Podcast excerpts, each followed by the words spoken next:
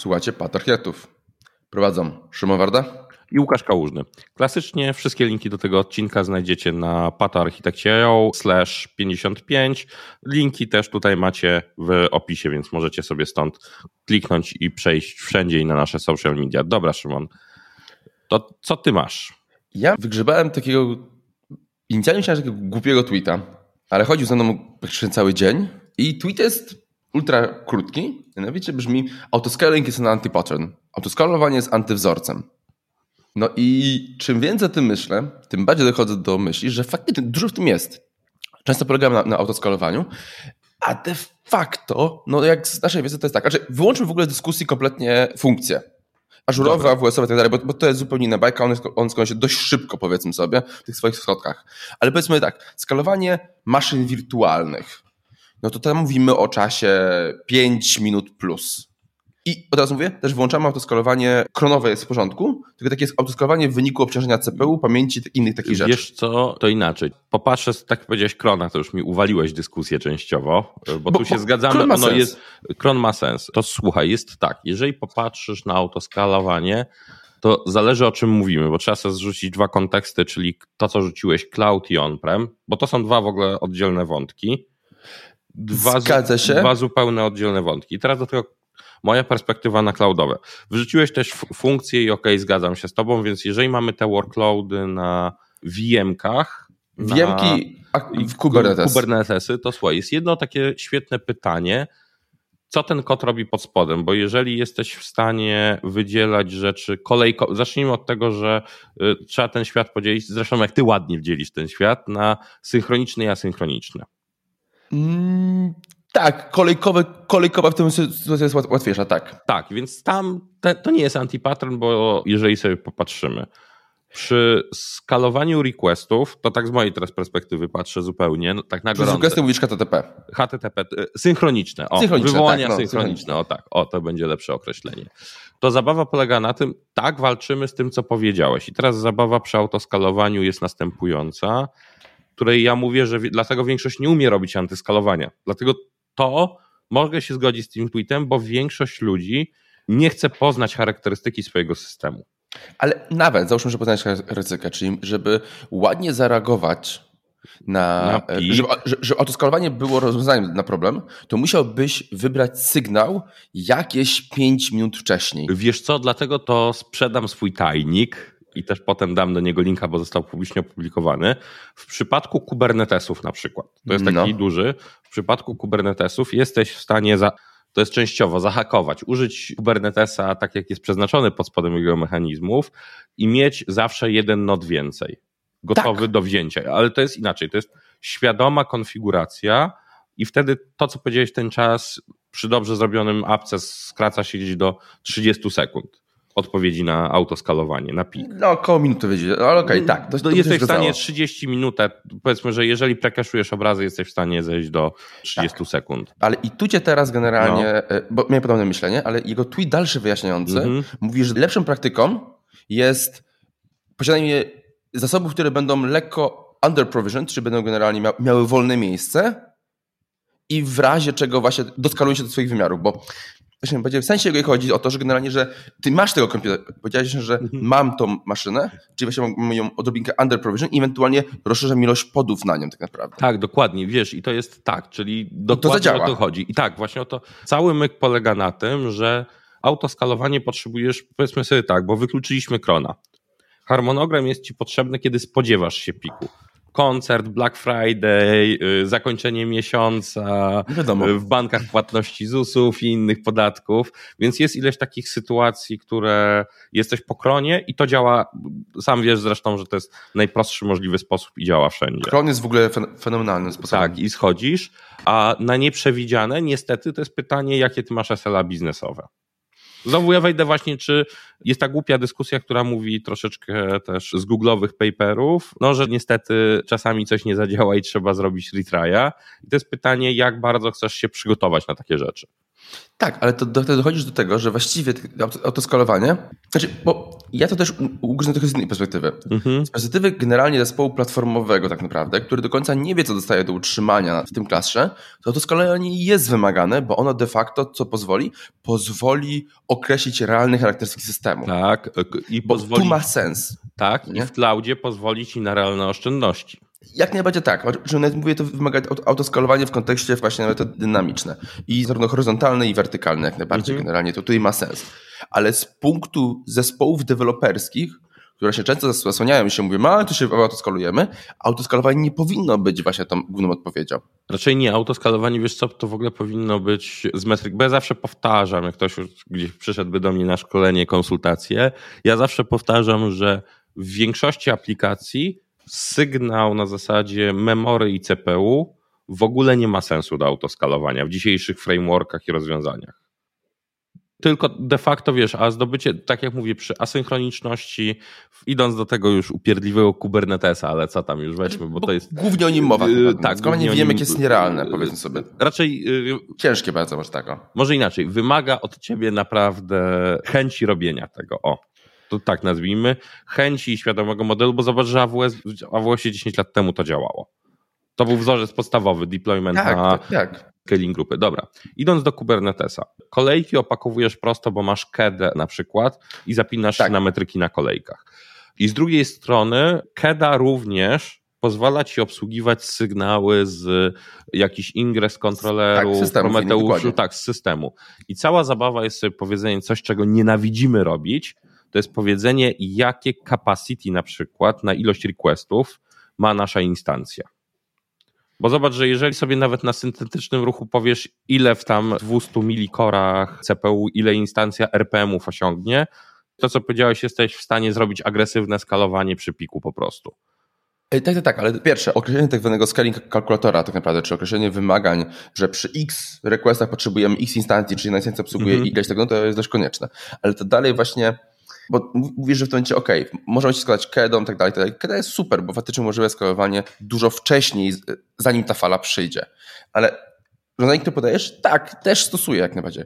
Tylko problem będzie teraz taki, że zanim nawet się wyskalujemy w ciągu tej, tej 30 sekund, minuty, to ileś tam requestów będzie chodziło chore, cholernie wolno. Raczej nie, dlatego powiedziałem o agresywnym, czyli powinieneś mieć na tych regułach autoskalujących zrobiony to, co powiedziałeś, ten under provisioning, że te tak, instancje mają tak, capacity. I to inaczej, cała zabawa polega na tym, jeżeli chcesz obsłużyć pik, będziesz za to płacił kasę.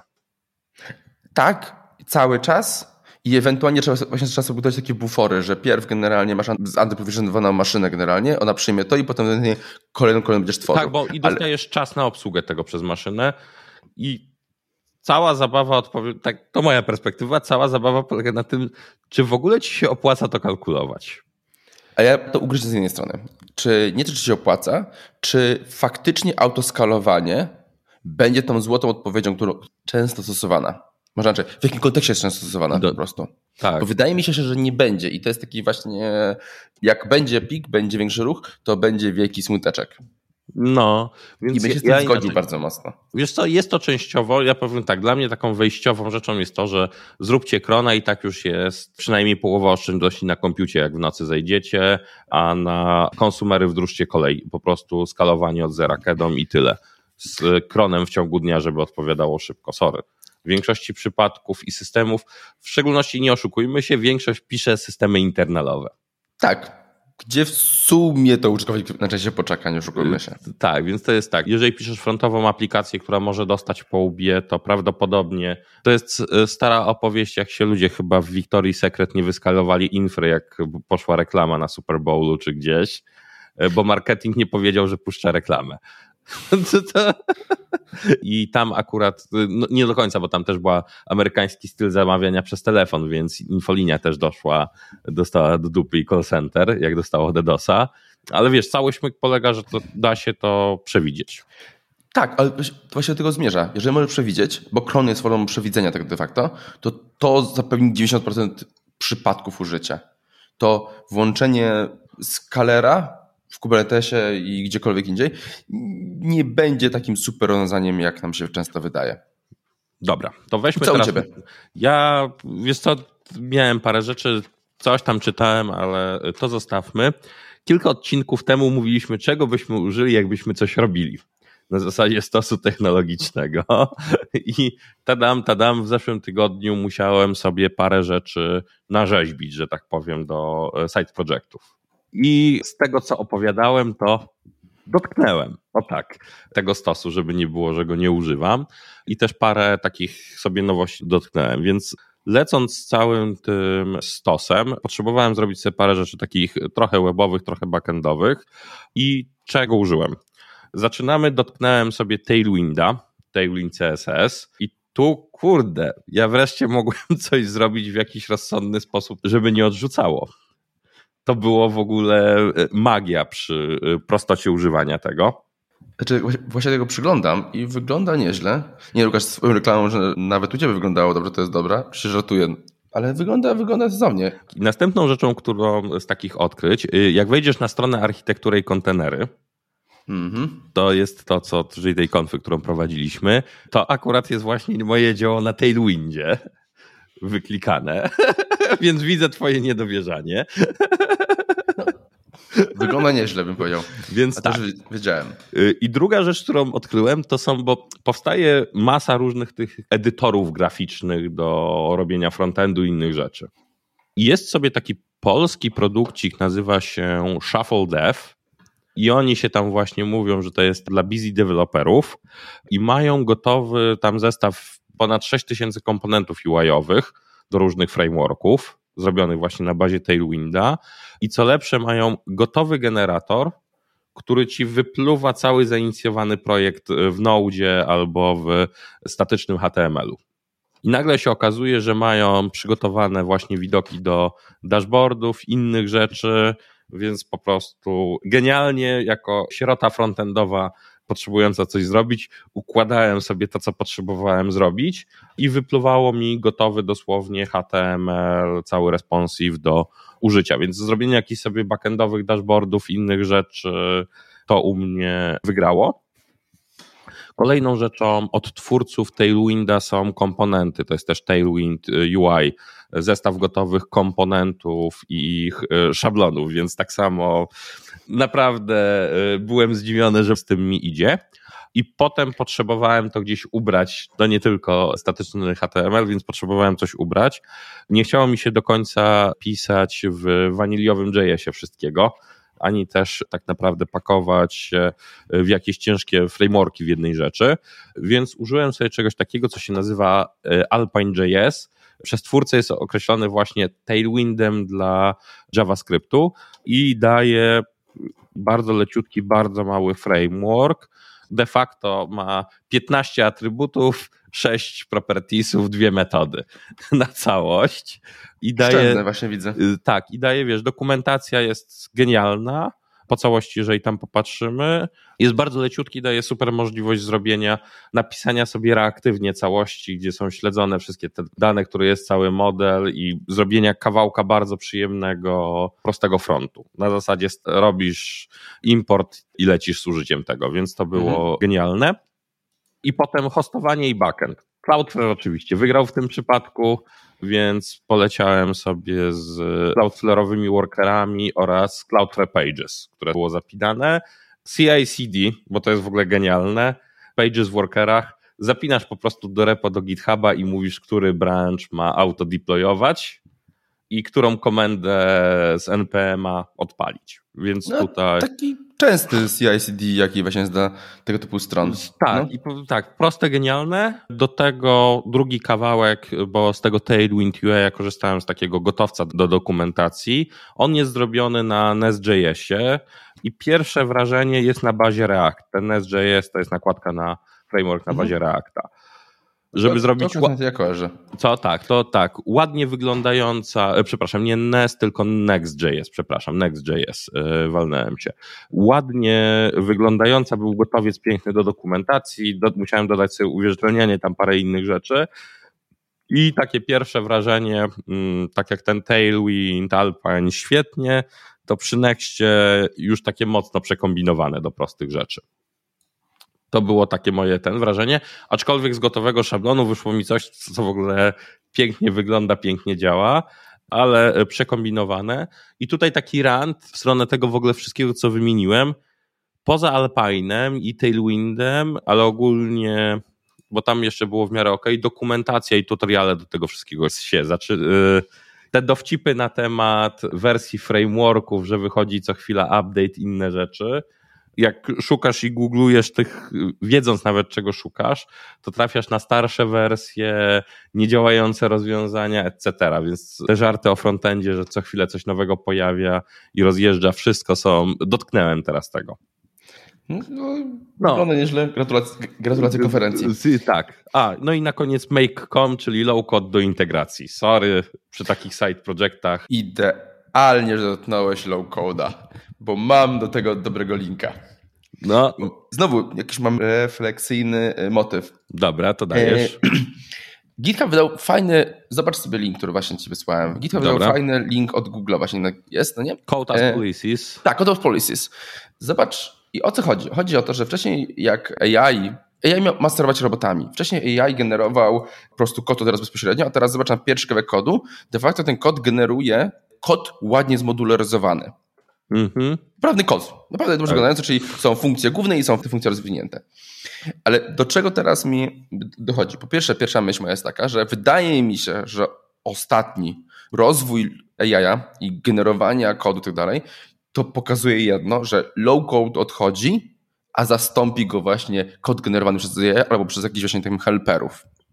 Wiesz co, zgodzę się z tobą, że to będzie kierunek, w szczególności też Microsoft coś tam pokazał z Flowem, jest tylko jedna rzecz, która, żeby no. to wszystko działało, trzeba te modele nakarmić, albo muszą być zrobione wreszcie poprawnie konektory, albo musi być aktualna dokumentacja i sample webhooków i payloadów, tak. które są przesyłane. Tak, ale teraz druga myśl w ogóle, która mnie zastanowiła i to taka mm, już bardziej meta. Zastanawia mnie jedna rzecz. Jak my, jak my dorastaliśmy, byliśmy w szkole, to często mówiono nam generalnie ucz się matematyki, bo nie zawsze byś miał kalkulator w kieszeni. To okazało się no, generalnie nieprawdą, powiedzmy delikatnie tak.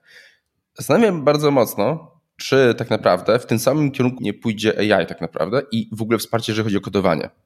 Że teraz uczymy niskopoziomowego stafu, de facto, który oczywiście jest, jest ważny, jest sensowny, ale tak naprawdę robota za lat 10 powiedzmy sobie, mówimy powiedzmy naszych tam dzieciach, mm -hmm. 10 plus, to nie będzie takiej opcji generalnie, że oni skupią się bardziej na tym, że będą mieli tego AI zawsze w kieszeni, czy też w pracy tak naprawdę, będzie bardziej weryfikacja tego, co tam się w ogóle wydarzyło.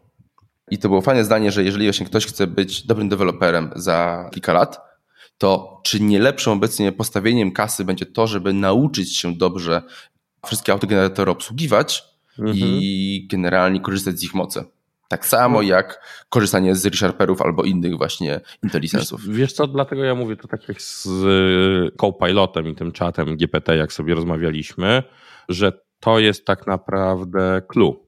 Tak, to jest to, to, że to, to jest będzie najbardziej. Clue całego tego, że ten asystent, nie mówię, że to nas zastąpi, to ma przyspieszyć pracę osób, które wiedzą, jak to wykorzystywać odejdzie dużo manualnej roboty. Tak samo jak prowadzenie robotów do montażu samochodów. Dokładnie ten sam case. No, no ale więc jest to. Ciekawy w ogóle artykuł się od Google. No, zobaczymy, jak to właśnie będzie wyglądało. To też jest do prześledzenia. Dobra, to chyba kończymy. Kończymy. Trzymajcie się. Hej.